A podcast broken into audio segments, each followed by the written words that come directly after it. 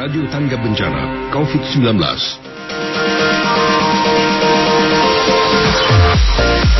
Kelas Inspirasi menghadirkan narasumber profesional dan praktisi untuk mempersiapkan masa depan kamu. Inilah Kelas Inspirasi. Rencanakan masa depanmu di Kelas Inspirasi.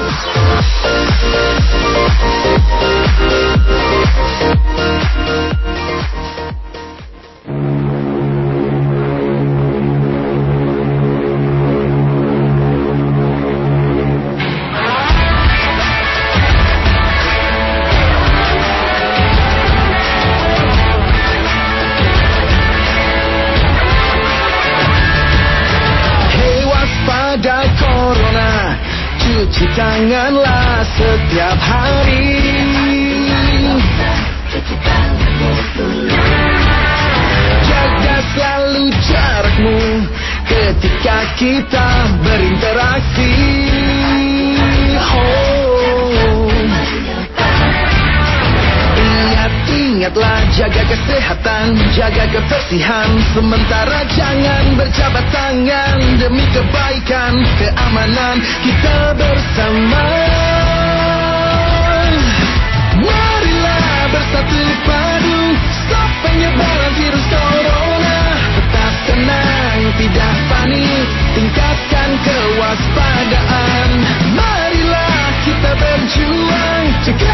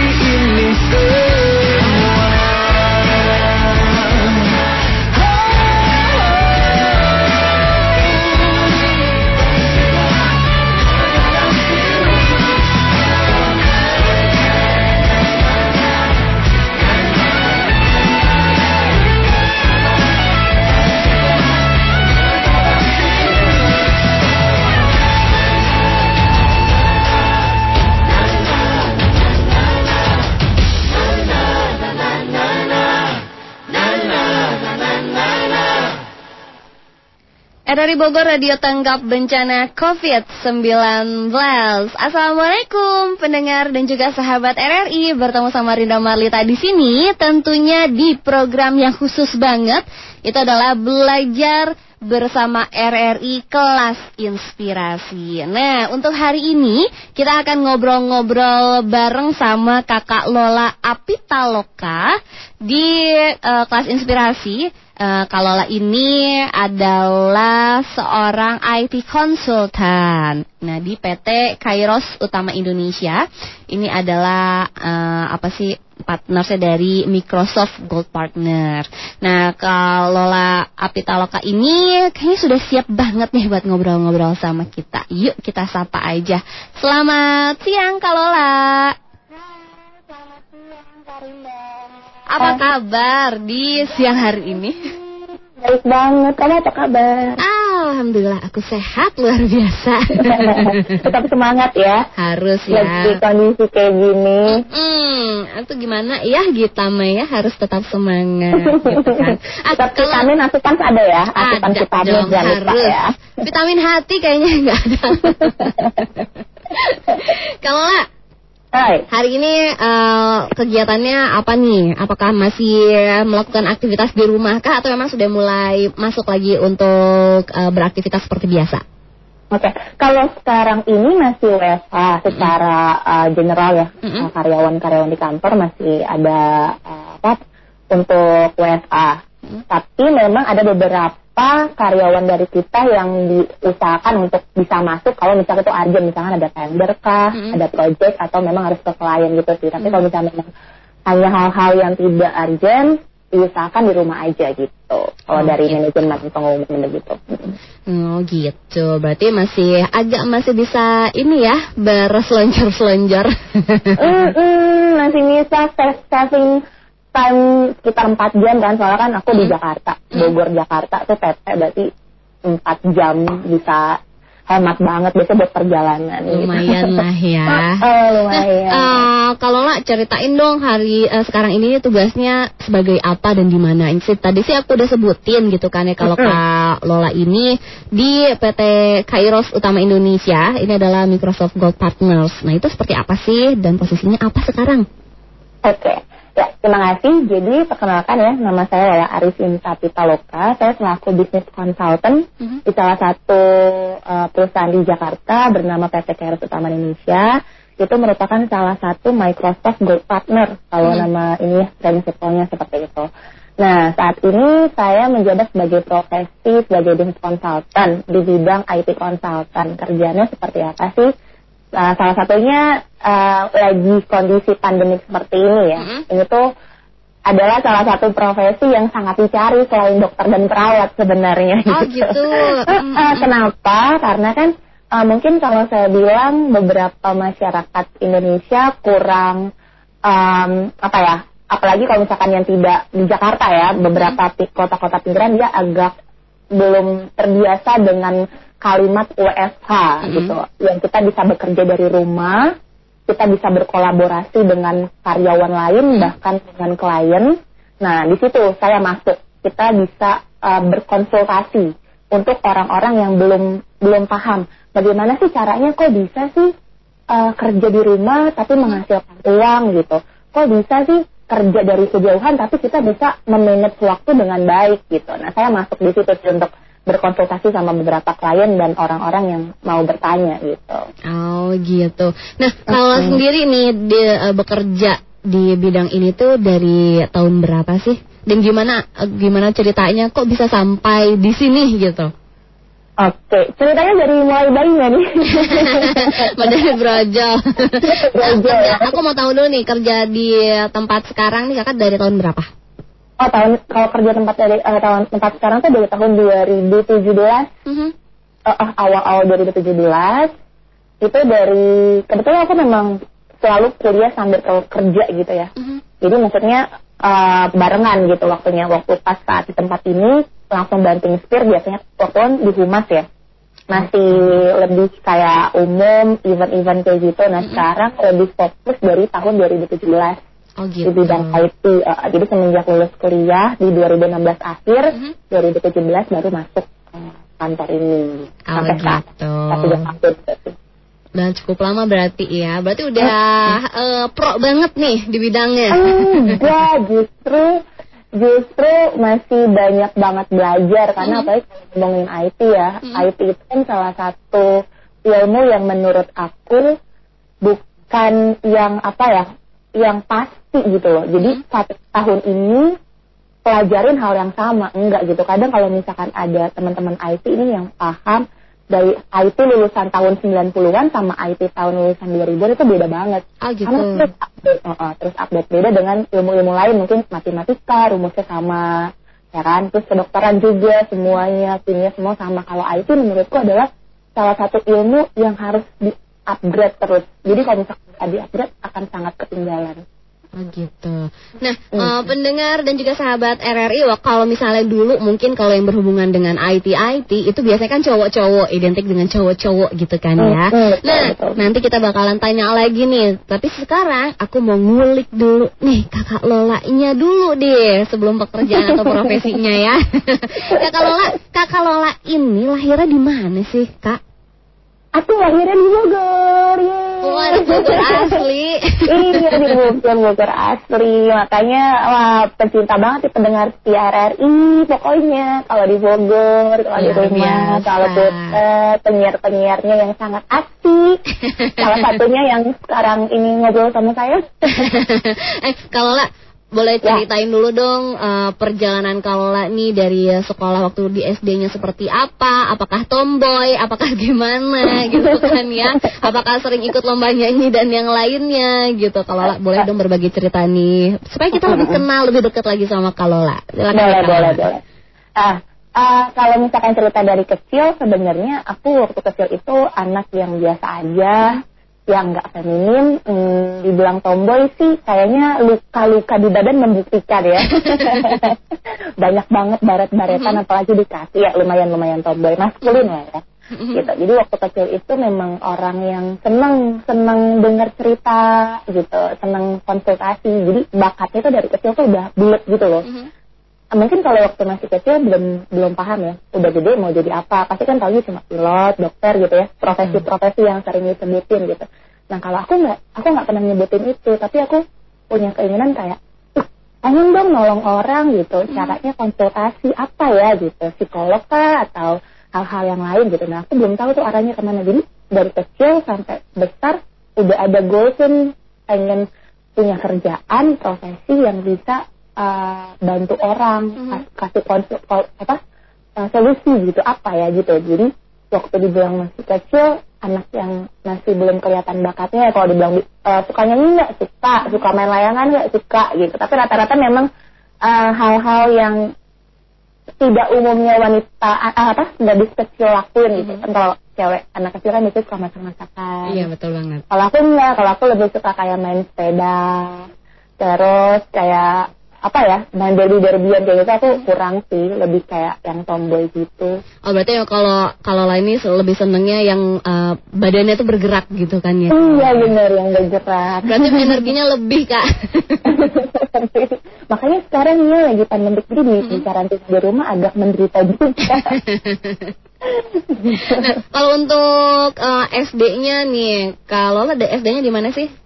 Di Cibinong di Cibinong. Negeri Satu Cibinong ah Mm-mm. Di Itu Cibinong ada cerita menarik nggak sih? Kan kalau waktu kecil, eh, kalau lah pengennya yang nolong-nolong orang, yang kayak kayak gitu. Kalau waktu Mm-mm. SD ini masih tetap sama atau gimana nih?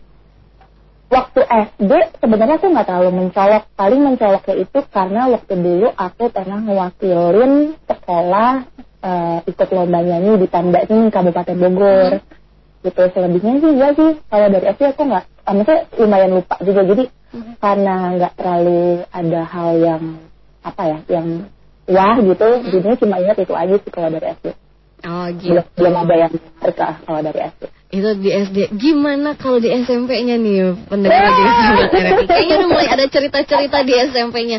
Entah itu eh, yang nakal-nakal sedikit atau gimana? SMP, SMP itu sangat menarik di SMP. Aku menemukan pertama kali sahabat-sahabat yang bisa apa ya ngepus aku, Mhm. ya ngepus aku. Apalagi eh, jadi waktu itu aku SMP di Cibinong juga. Mhm. Jadi awalannya cerita menariknya adalah aku punya geng yang sampai saat ini masih gengnya itu masih utuh. Wow. Ya dari SMP itu masih utuh, masih sering ketemu. Bulan puasa masih buka puasa bareng segala macam. Eh, itu berawal dari berantem Hah? gitu. Malah Iya, berantem, berantem jadi temenan gitu sampai sekarang. Iya, jadi temenan sampai sekarang berawal dari berantem. Eh, di situ menariknya apa? Menariknya kan kalau berantem biasa ya anak SMP puber ya Iya. Berantem gitu. Tapi menariknya adalah kenapa kita bisa jadi sahabatan itu di- apa diselamatkan karena kita berkomunikasi. Mhm. Nah, salah satunya adalah ini. Jadi uh, apa ya cita-cita aku yang yang suka di bidang komunikasi, konsultasi, solusi gitu. Ini kepake pertama kali di SMP.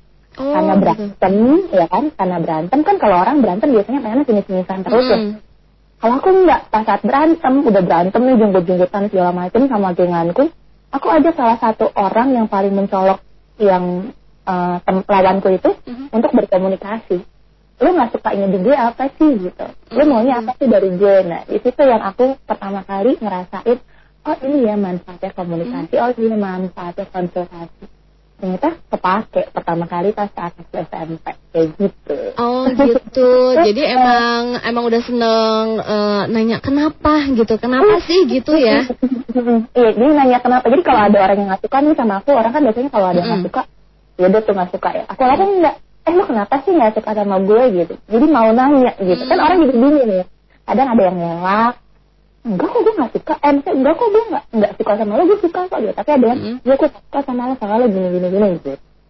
Jadi aku berani nanya kenapa gitu Oh gitu. Berarti emang sudah jiwanya ya. Jadi sebelum eh, dapat pelajaran apa pun sudah terpraktekkan langsung gitu kan ya dari berantem Mm-mm. itu yang akhirnya eh, sekarang jadi sahabat sampai dengan hari ini. Wow luar biasa. Gitu kan dari SMP sampai sekarang susah itu kak awet. gitu. iya bener bener sampai sampai punya anak pada Hmm. Nah, eh, kalau di SMA ada cerita yang lebih menarik lagi nggak nih di SMA-nya nih? Kalau di SMA, hmm, aku tidak ini ya, tidak nggak apa nggak nyebutin salah satu sekolahnya karena di SMA aku mulai ini lagi nih, mulai mulai eh, tidak apa ya, tidak menarik mulai menarik diri lagi gitu karena Oh, aku gitu. belum menemukan, eh, belum menemukan lagi sosok sosok apa ya, eh, fasilitas ataupun kayak eh, hal yang bisa nge-push aku untuk lebih show off lagi gitu. Tapi di SMA aku nemuin geng juga dan sampai saat ini juga gengnya masih bertahan. Tapi nggak dari Berantem. berantem juga kan kak? Eh, itu nggak dari berantem, Mhm. tapi kalau di SMA lebih ke banyak perbedaan gitu. Oh, gitu. Aku, kan dari keluarga yang maksudnya tidak tidak tidak kaya ya, Mhm. maksudnya keluarga Biasa yang aja lah gitu lah ya. bi- biasa aja malah beberapa kali sering kekurangan juga gitu. Tapi di SMA aku itu salah satu SMA yang bisa dibilang bonafit. Banyak beberapa orang yang apa eh, beruang gitu ya dari keluarga yang bagus gitu. Nah dari situ mereka justru yang mendekati aku gitu, Oh, mendekati gitu. aku gitu. Dia mau dia mau temenan sama aku. Biasanya kan kalau orang yang biasa-biasa aja malah justru mereka yang ngedeketin ya Iya. gitu. Nah kalau aku justru aku yang dideketin gitu karena karena beberapa kali hal eh, aku sering membantu mereka. Misalkan salah satunya tuh waktu itu ada acara persami perkemahan Sabtu Minggu gitu. Ada teman-temanku tenda-tendanya nggak bisa nyalain api unggun karena waktu semasa kecil seneng main kayak petualangan gitu ya. Aku bisa Oh, nyalain udah udah lihai lah ya. udah lihai akhirnya pas sudah habis pertemuan satu minggu besokannya di sekolah yang tadi yang sapa-sapaan mereka temenan gitu gitu sih kalau di SMA jadi eh, di SMA ketemu juga sahabat-sahabat yang baik Mhm. yang tadinya aku pikir sekolahannya kayak gitu cuma kayak main yang kaya main sama yang kaya Mhm. ya yang pintar main sama yang pintar ternyata enggak ternyata uh, nggak nggak semua seperti itu gitu ada orang-orang yang memang tidak melihat itu tapi dia melihat kualitas pertemanan yaitu saling membantu gitu sih Wow, tapi tetap seru ya karena sebuah seru. unggun. Gitu. nah, eh, setelah semakin menyadari gitu kalau kalau lah seneng banget yang namanya berkomunikasi langsung dengan orang, udah gitu memecahkan masalah orang. Eh pasti kan kalau misalnya ke jenjang pendidikan berikutnya gitu, eh, diutarain nggak sih ke orang tua? Udah gitu dukungan orang tua seperti apa sih kak? kalau hubungan orang tua antara orang tua dan orang tua atau aku sama orang tua nih Mm-mm. semuanya sih sebenarnya baik gitu ya maksudnya orang tuaku adalah menurut aku orang tua yang paling eh, apa ya sesuatu hal berharga dalam hidup aku aku karena aku kalau nonton film gitu ya atau dengar-dengar cerita-cerita teman-temanku kadang mereka disetir setirnya tuh nanti kalau udah habis sekolah ngambil ini ya karena ini bagus gitu nah kalau mama papaku tuh dia membebaskan Oh, jadi Jadi- eh, ke mana pun didukung gitu ya kak? didukung didukung asal harus kasih tahu alasannya apa Mhm. kenapa gitu kan ya jadi maksudnya nggak yang cewek kan harusnya ngambilnya misalkan akuntansi atau apa gitu. Kalau ini enggak. Gitu ya kak? ya? sekretaris eh, eh, kalau ini enggak. Dari dulu juga dari kalau misalkan kayak aku main biasanya kan eh, main nih keluar. Mah mau main ya kan mau main. Nanti ditanya keluar keluarnya sama siapa? Pulangnya jam berapa? Mhm. gitu. Jadi ya udah kalau misalkan tetap bilang pulang jam segitu harus tepat. Karena kalau enggak ya kalau enggak kabarin gitu. Mhm. Kalau dari hubungan keluarga aku sangat baik. Dan sama adik-adikku juga ya aku kan ada empat bersaudara Mhm. Nah, jadi turun temurun juga aku ajarin sama adik-adikku gitu. Jadi kalau misalkan tumbuh besar, paling utama adalah kita boleh punya cita-cita ya. Kalau misalkan memang cita-cita itu bertentangan dengan pemikiran orang tua, kalau bisa dikomunikasiin, kasih tahu penjelasannya. Apalagi kan kalau orang tua, aku kan kelahiran tahun 90-an nih, Iya. rata-rata orang tua eh, aku kadang kurang open minded sama eh, dunia kayak sekarang ya apalagi yang Oh, udah iya, iya, iya. teknologi kayak gini kan kadang mereka melarang pun bukan karena mereka nggak suka tapi karena mereka nggak tahu Mm-mm. nah itulah tugasnya kita sebagai anak harus bisa menjelaskan ini loh mau pilih ini gitu terus karena alasannya ini aku yakin sih pasti ngerti gitu salah satunya orang tua aku Berarti Lola ini eh, orangnya memang menjaga komunikasi banget ya Kak ya. Mm-mm, iya heeh. Wow, itu yang agak susah sekarang kayaknya ya. Hmm, iya. Eh, kalau untuk eh, bisnis IT ataupun eh, bisnis konsultan kayak begini gitu kan ya eh, Kalola, itu eh, pelajarannya habis dari jenjang SMA itu harusnya ke mana sih Kalola? Sebenarnya kalau di IT ya, Mhm. IT itu kan ada yang membuat, membuat teknologinya Mhm. dari softwarenya maupun hardware ya. Misalkan aku ceritanya basicnya gitu. Kalau dibilang kalau timnya, tim yang mengerjakan harusnya dari dari SMA, misalkan jurusan IPA gitu ya, dia ngambil yang eh, kuat di matematika atau logiknya kuat lah gitu, atau dia tertarik sama bidang-bidang teknologi. Dia bisa ngambil kuliah jurusan kayak IT, terus SI sistem informasi kayak gitu rata-rata. Sebenarnya di kantorku ada loh yang ngambil jurusan kalau nggak salah kimia. Oh gitu. Tapi iya, tapi dia ngambil IT. Bisa juga tuh karena eh, ternyata kenapa bisa begitu karena ada beberapa algoritma yang dipelajarin sewaktu mereka kuliah. Terus dia juga ngejalanin beberapa hobi sendiri gitu. Makanya pas lagi psikot psikotes Mm-mm. dia keterima gitu. Jadi bisa aja sih bisa dari hobi atau bisa dari jenjang yang memang harus diikutin sesuai ya sesuai standarnya ya Mhm. ngambil jurusan IT waktu kuliah. Kalau aku sih enggak uh, Kak Rinda. Nah, kalau suka- Kalola gimana nih sampai dari Oh. SMA sampai akhirnya sekarang jadi IT konsultan seperti ini? Iya, jadi waktu pas aku SMA ya ada satu kisah lagi. Aku tuh nggak langsung kuliah. Mhm.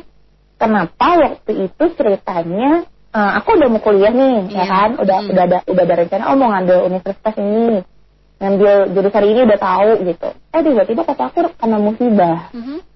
Jadi uh, seluruh uangnya uang yang tadinya buat uang pangkal itu dipakai sama papaku itu papaku sangat menyesal gitu ya Hmm. sampai oh dia orang tua yang minta maaf maafin papa ya gitu segala macam ya Hmm. komunikasi mungkin kalau anak lain yang tidak paham Hmm. komunikasi nggak kuat dengan orang tua mereka ngambek kan Iya.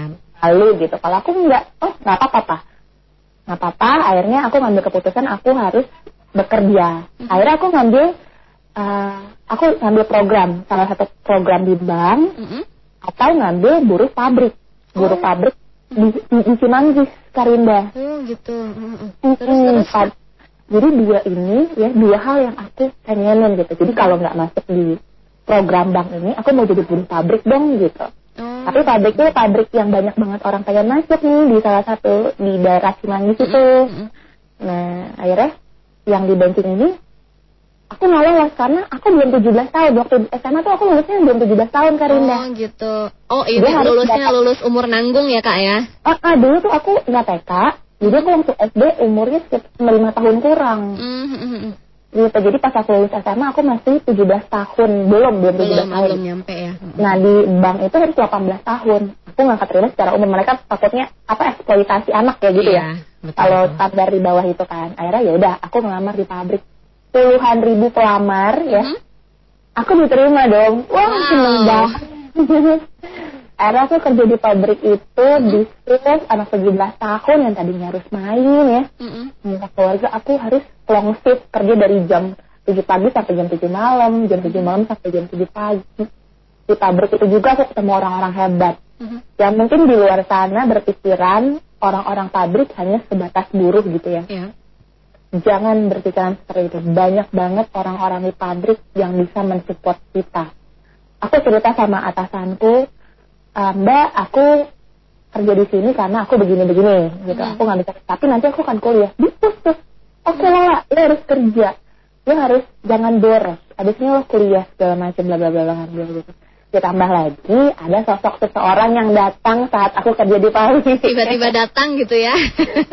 Orangnya di luar pabrik ya, dia anak kuliahan. Nah, dia bilang, ya, dia makin mengingatkan lah, kamu harus kuliah gitu, kerja, cari uang, kerja, ada kuliah. Mm-mm. Jadi aku kerja dari di pabrik kan aku lulus 2009 tuh Mhm. SMA ya kan. Mhm. Dari 2009 eh, masuk pabrik dua- 2010 awal kerja di pabrik 2 tahun ya dua- 2011 Mhm. kan karena dari 2010 awal ya 2011 akhir aku keluar aku dapat kerjaan lain karena aku jadi asisten dosen di salah satu sekolah teologi di Jakarta. Mhm. Nah dari situ aku bisa sambil kuliah. Aku di aku didukung juga sama bosku yang di Jakarta. Jadi enaknya ketika aku aku kan kuliah reguler nih ya, Iya. nggak kelas karyawan. Jadi kalau aku kuliah pagi, aku bisa kerja sore sampai malam. Kalau aku kuliah sore sampai malam, aku kerja di Jakarta pagi gitu. Jadi blessing banget, banyak banget orang-orang yang bantu gitu. Nggak, bukan kekuatan aku lah pokoknya. Pokoknya banyak banget orang-orang yang ngedukung secara tidak sadar Tuhan kirimkan gitu sih. Mhm. Nah, di masa-masa kuliahnya seperti apa nih Kak nih? Nah, kuliahnya aku ngambil jurusan public relation. Oh, malah ke PR. Mm-mm, ke PR, ke hubungan masyarakat. Makanya aku sempat jadi humas dulu nih kan sebelum di IT ini. Nah, sebenarnya uh, basicnya sama Mhm. tentang tentang komunikasi, konseling kayak gitu kan. Cuma produknya aja yang beda. Kalau yang dulu setelah uh, di zaman kuliah, aku kuliah sangat menikmati. Jadi kalau misalkan anak-anak lain mungkin dulu aku agak uh, tidak menikmati waktu kuliah karena aku sambil kerja. Jadi nggak ada waktu-waktu nongkrong sangat disayangkan kayak gitu. Eh, jadi kalau misalkan kayak habis kuliah kerja kuliah kerja. Nah tapi nggak tahu kenapa teman-teman kelasku tuh kalau nongkrong ayo dong nongkrong. Ya biasa kan kalau anak yang cuma cabut tanpa nongkrong udah tuh nggak diajak Iya, ajakin ya. betul. Kerasa Kak sama saya, Kak. Kalau aku masih diajakin gitu kadang beberapa dengan cowok pun dengan yang di kelas cowok ya Mm-mm. ayo mau ikut nih nggak seru gitu. Yaudah gue tungguin lo pulang kerja gitu. Mungkin kalau mereka dengerin ini sekarang hai Gema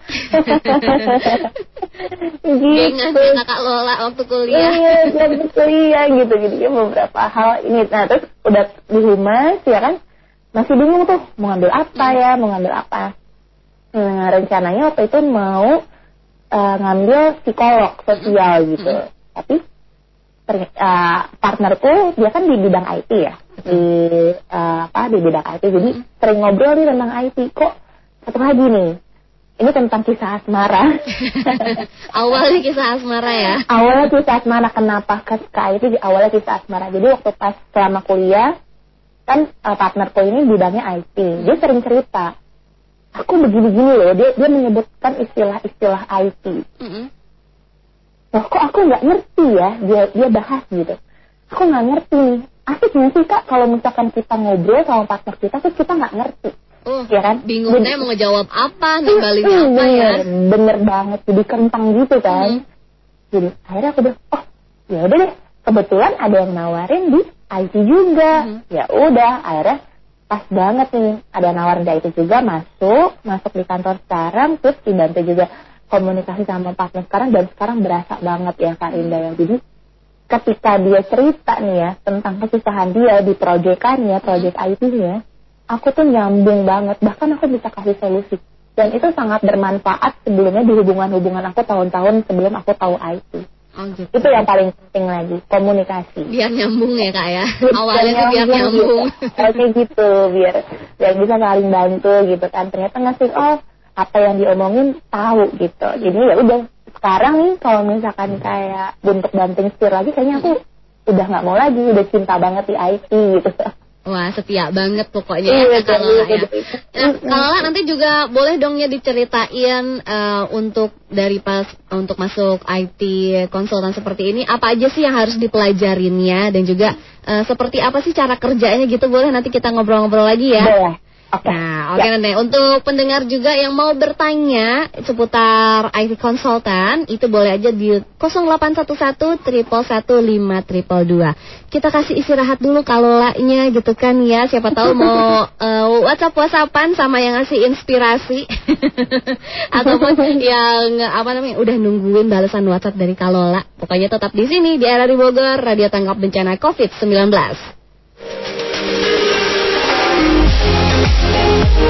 Anda masih mendengarkan kelas inspirasi. Rencanakan masa depanmu di kelas inspirasi.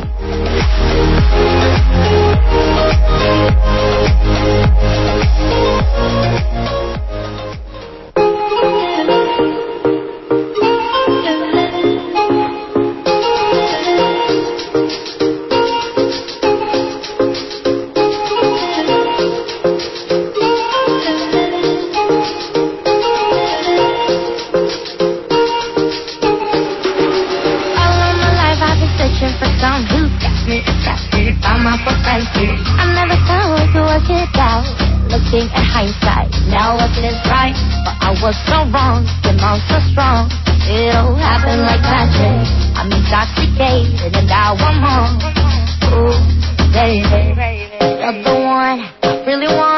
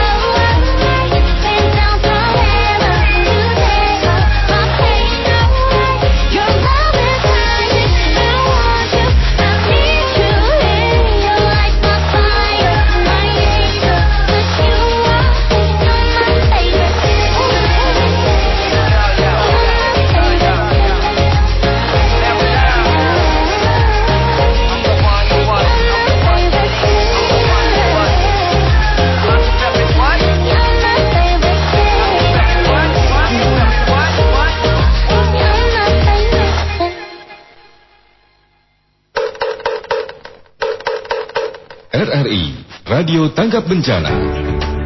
Apakah benar banyak minum air putih setiap 15 menit sekali bisa menghilangkan virus corona? Faktanya, tidak ada bukti penelitian yang membuktikan hal tersebut. Namun, untuk menjaga kesehatan dan mencegah dehidrasi dalam tubuh, WHO merekomendasikan untuk kita minum air putih yang cukup setiap hari. Tetaplah bijak dan jangan panik berlebihan terhadap virus corona. RRI Radio Tanggap Bencana.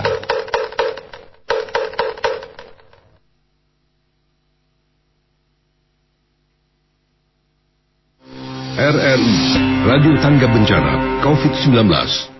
RRI Bogor Radio Tanggap Bencana COVID-19 Kembali lagi bersama Rinda Marlita di sini Dan juga di ujung telepon sana dan juga di layar Instagram Hai Kalola Baru bisa nyambung kita nih Iya.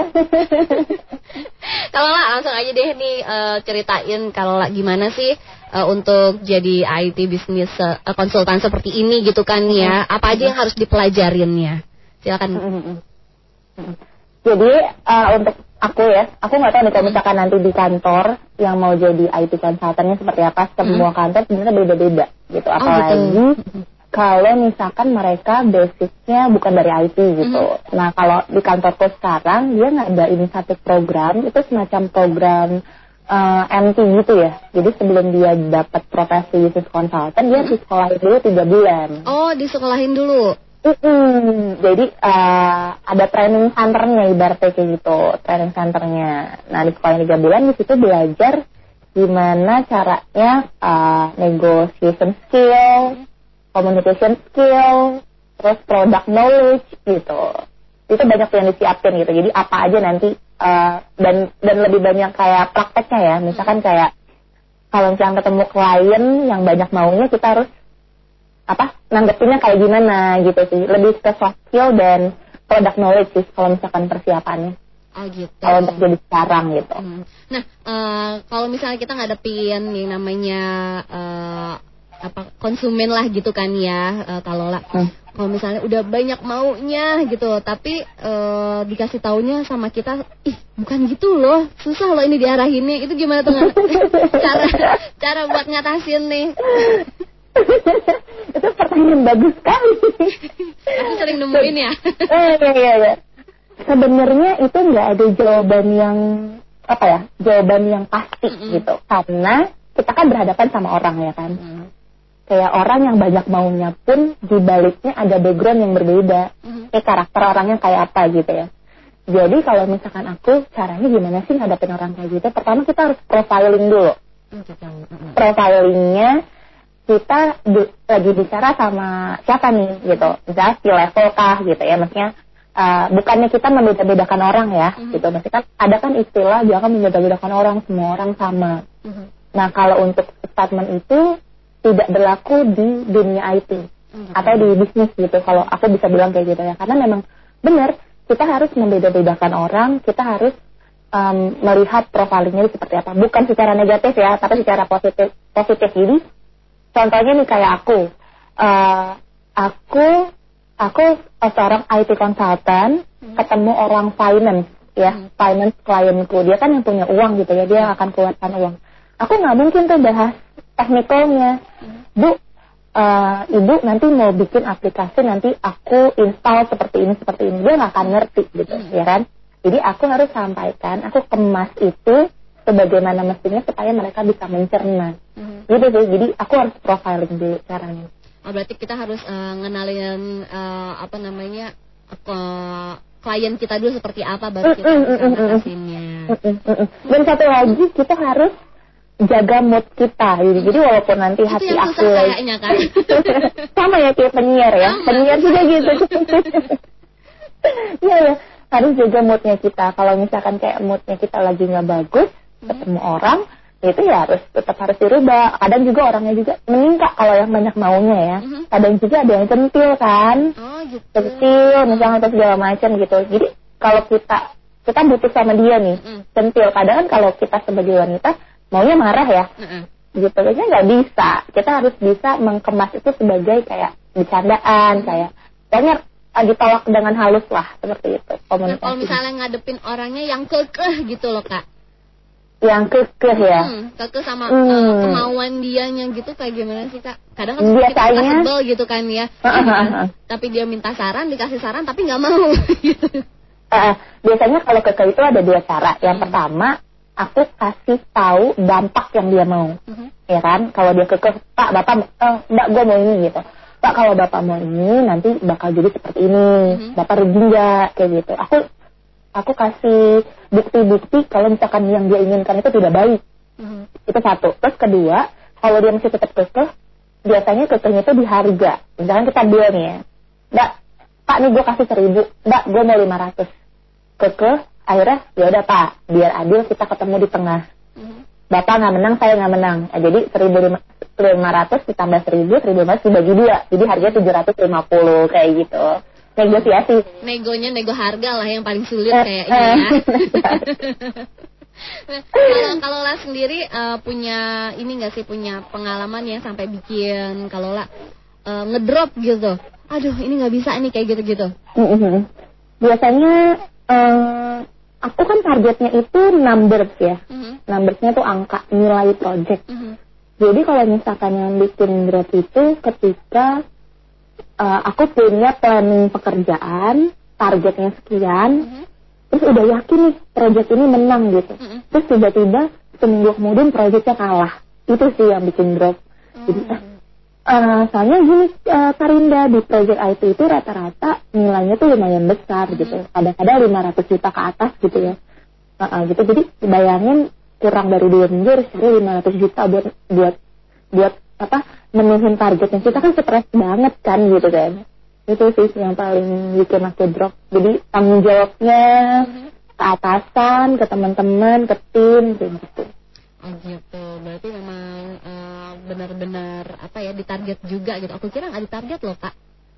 Di target Ditargetnya nolnya banyak lagi ya kak ya. banyak banget Nol aku ada sembilan dua digit lagi depannya Itu kan targetnya nih. Aku mau kepoin ah kira-kira gitu kan jadi eh, IT konsultan khususnya gitu kan. Pendapatannya berapa kak? jangan bilang-bilang ya Nolnya ada berapa deh nolnya? kerjanya sebenarnya biasa sama pendapatannya sama eh, tergantung pendidikan experience kayak gitu kan terus negosiasi gitu. Eh, biasanya sih eh, aku harus nyebutin nominal ya rata-rata ini ya aja, ya. ah. Jadi, biasanya kalau fresh graduate itu di sekitar di antara 6 sampai 8 kalau udah punya pengalaman bisa 10 sampai 15 di luar bonus ya. Nah tapi itu balik lagi ke perusahaan masing-masing kayak gitu ada tertarik tertarik tertarik Berarti Atau bonusnya paling gede ya kayaknya nih lebih gede daripada inian nih ya. Oh iya iya biasanya gitu bonus. Makanya eh, biasanya mereka kejar bonus kalau salary nggak terlalu nggak terlalu di apa di itu. Ah gitu. Nah, eh, kalau lah ini ada yang bertanya di 08568 sekian sekian sekian kan. Kalau lah gimana sih cara meyakinkan orang tua kalau misalnya kita eh, punya pilihan untuk sekolah silakan. Oh mungkin karena cerita kalau tadi ya. Dan tadi ya, Hmm. hmm, pertama kalau ini aku jawab sesuai caraku ya Mm-mm. pengalamanku ya gitu ya. Bedanya cara meyakinkan yang tadi aku ceritain dua pilihan itu sebenarnya setiap apa pun nggak cuma sekolah. Bahkan ketika pilihan pasangan ya ada dua ada dua hal gitu. Ya kalian ukur aja. Yang satu plus minusnya apa? Yang satu lagi plus minusnya apa gitu. Nah kalau misalkan kayak eh, pilihan sekolah yang kalian ini dua ini yakinkan pertama apakah dua dua pilihan ini adalah kamu banget? Mhm. gitu. Jadi jangan sampai ikut-ikutan orang. Mhm. gitu. Kalau misalkan memang udah kamu banget kamu lihat orang tua kamu sukanya yang mana yang A apa yang B gitu kalau misalkan kamu lebih suka yang B tapi orang tua kamu pilih yang A kamu harus cari cara nah kalau yang A nanti aku akan gini gini gini gitu jadi kalau eh, kalau bosku tuh bilang namanya sistemnya demokrasi terpimpin gitu Oke. Kenapa? Jadi jadi gini, kita sebenarnya udah punya pilihan Hmm. ya, pilihannya kita. Jadi kita menggiring opini orang supaya ikut pilihannya kita. Caranya adalah kita cari trik-trik atau fakta-fakta yang membuat orang itu beralih yang tadinya dia suka jadi tidak suka. Mhm. Gitu sih. Jadi ayo yang tadi bertanya coba kamu cari eh, beberapa informasi yang membuat orang tua kamu ilfil sama pilihannya. Jadi, gitu. eh, sebelum kita mengutarakan kita pengennya apa misalnya untuk jurusan ataupun untuk sekolahnya seperti apa gitu kita harus menguasai dulu ya eh, sebelum dikasih eh, apa untuk kekeh gitu sama pilihan kita Mm-mm. Nanti dampaknya ke sini loh mah nanti ke depannya Mm-mm. seperti ini loh mah kayak gitu ya jangan cuma Mm-mm. ikut ikutan geng ya kak ya berarti ya Mm-mm, jangan, jangan, jangan. berarti emang harus kuasain dulu ya iya. kalau enggak mau sebelum ngobrolnya bawain martabak dulu buat mama benar, benar, benar. Di dalam martabaknya ada berlian gitu. Ya, iya ya kan gitu. Kita mainin perasaan mama dulu deh. Iya nih. Nah, eh, kalau lah sendiri gitu eh, sebagai eh, eh, IT eh, konsultan seperti ini gitu kan ya. Eh, Apa sih yang dituju setelah ini? Setelah setelah pekerjaan kalau sendiri apakah masih ah kayaknya ada yang harus diulik lagi nih gitu kayak gitu ada nggak sih? Mm-mm. Ada ada banget. Eh, Sebenarnya goalsnya aku itu punya company sendiri. Oh, gitu. itu goalsnya sih jadinya relasi ya. Mm-mm. Sebe- eh, goalsnya sebenarnya bukan company gini. Aku kan di bidangnya di bidang konsultan. Kalau orang kan pasti kalau misalnya kayak aku cerita tentang timnya ya, timnya yang jadi programmer pasti kan dia jenjang karir nih. Mm-mm. Jenjang karir gini Karinda dari developer jadi SA, sistem analis, jadi project manager, jadi manager, atasan terus terus terus terus gitu kan. Mm-mm. Nah kalau aku di IT consultant jenjang karirnya sebenarnya nggak terlalu kelihatan paling kalau misalkan kayak dari IT consultant sekarang jadi manager gitu ya atau jadi head manage head head head IT consultant gitu. Nah tapi yang paling penting adalah satu relasinya. Karena percayalah ketika kita jadi konsultan jadi sales consultant marketing kalau kita udah bisa pegang orang kita udah bisa pegang klien ke mana pun kita pergi ke company mana pun kita pergi bikin usaha apa pun kita tuh orang pasti carinya kita. Benar banget. ada satu cerita eh company gitu ya.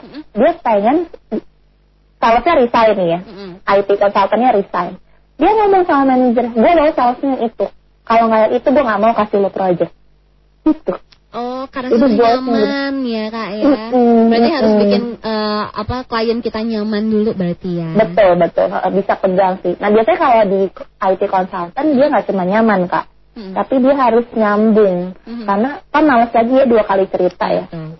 Karena gini, karena ada beberapa orang yang tidak tahu. Misalkan kayak, eh, Mbak Lola, gue punya masalah nih sama sistem keuangan gue. Sistem keuangan gue nggak bisa nagih. Mm-mm. Gimana ya? Nah itu kan kita harus kemas secara teknis kan. Kita harus kasih tahu. Ini Pak, gini gini. Kalau orang yang nggak nyambung, dia udah nyaman nih, udah bisa diajak ngobrol AHI, tapi dia nggak nyambung, males juga. Udah gitu eh, mungkin ini juga ya untuk klien-klien kata ah project awal sama dia udah goals nih eh, dia lagi aja deh jadi nggak usah nyeritain gitu ya. Berarti berarti nomor-nomor kliennya nih sudah dipegang semua sama kakak Lola. Kalau ini ada yang bertanya lagi nih kalau lah ini eh, dari Naila di Bogor Utara katanya nih. Kalau mau jadi IT consultant itu pelajarannya apa harus dipelajari dari awal? Katanya mata pelajarannya yang lebih kuat apa sementara Hmm. dia baru mau lanjut ke sekolah tingkat SMA nih katanya seperti itu silakan deh kalau tadi sudah diceritakan sebenarnya ya Nah, tapi nggak apa-apa deh lebih jelas lagi ya silakan kalau Mm-mm. Jadi eh, Naya terima kasih ya pertanyaannya. Jadi kalau untuk eh, apa sih yang harus dikuatin buat IT consultant? Aku bisa jawab itu adalah komunikasi skill.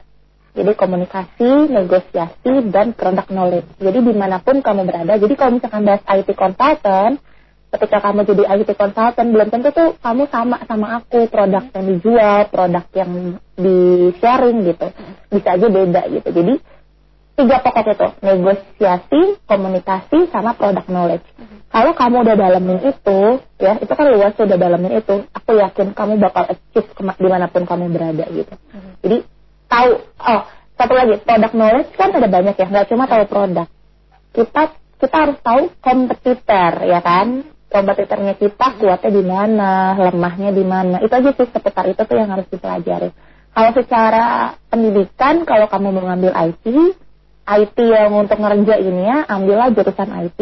Tapi kalau misalkan kamu mau jadi IT consultant, kamu bisa ngambil bidang komunikasi, matematika biasanya ya. Biasanya matematika, komunikasi yang pintar berhitung, eh, sekretaris juga mungkin bisa gitu. Ya, tapi kalau misalkan lebih bagus ya dari bidang IT-nya karena kan nanti kalau jualan produk atau apa jadi udah paham kan, udah belajar. Tuh untuk Naila semoga, eh, semoga terjawab ya Naila ya. Jadi pelajarinnya matematika harus, kemudian eh, komunikasinya harus dari sekarang. Hmm. Kali aja Naila pendiam gitu kak sekarang ya.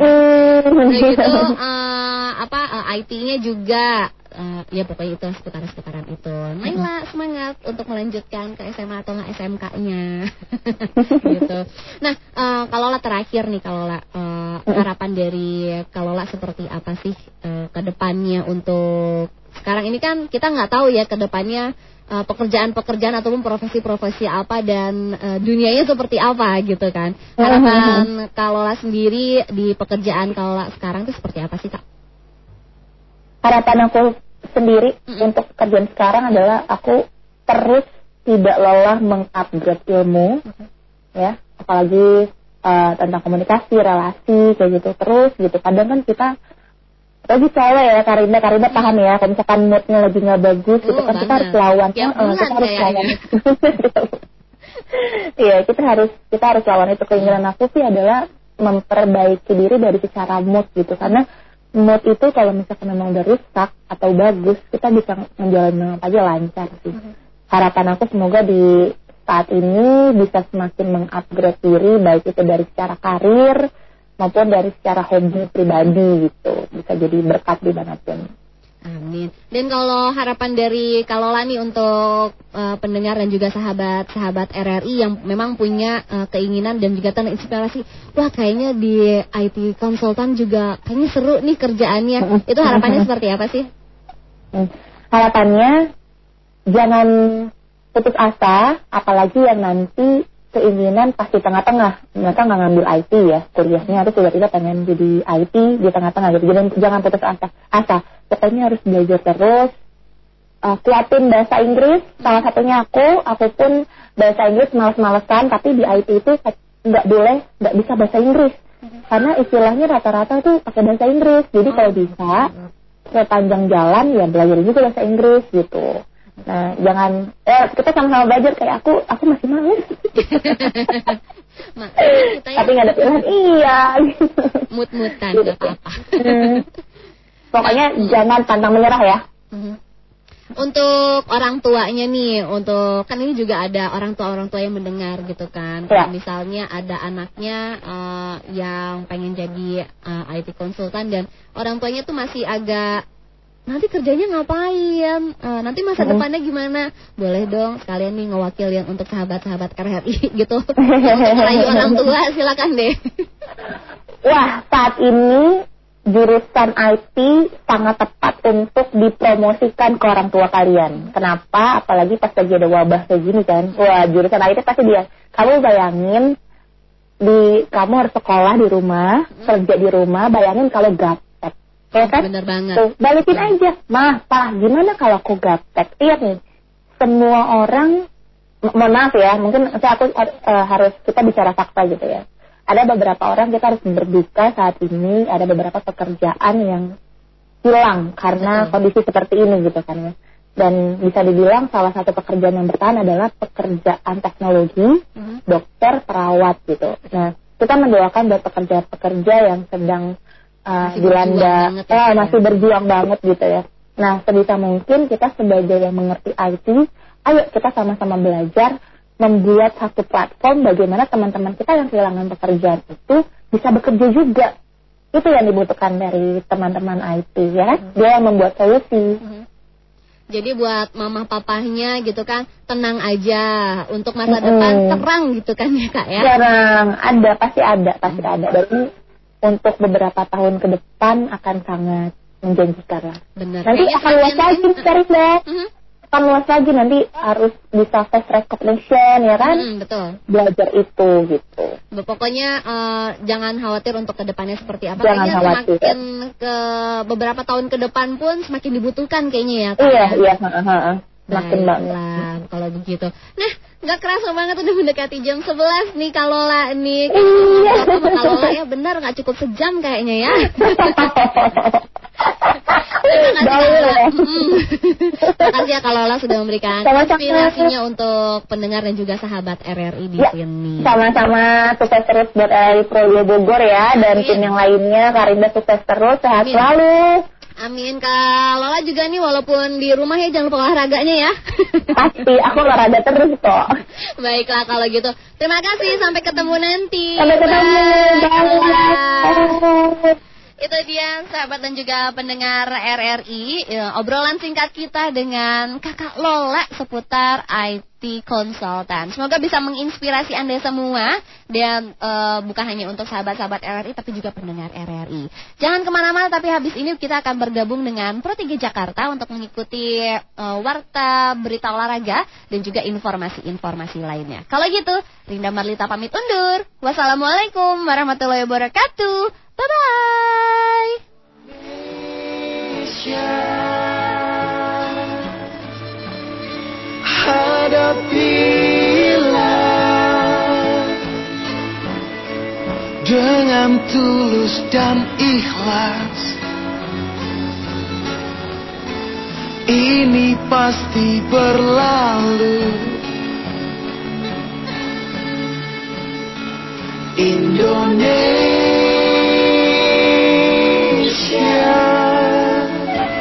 Wujud apresiasi kami kepada dokter, juru rawat, relawan, TNI, Polri, dan semua pejuang kemanusiaan di garda terdepan hadapi pandemi COVID-19.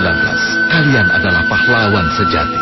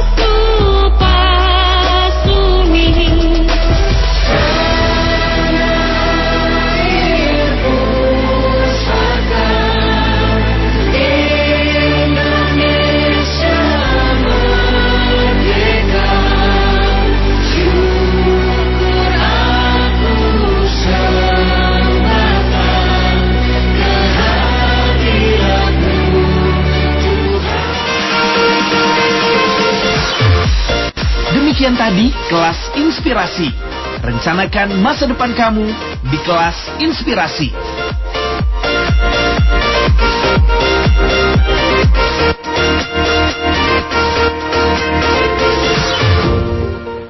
RRI Radio Tangga Bencana COVID-19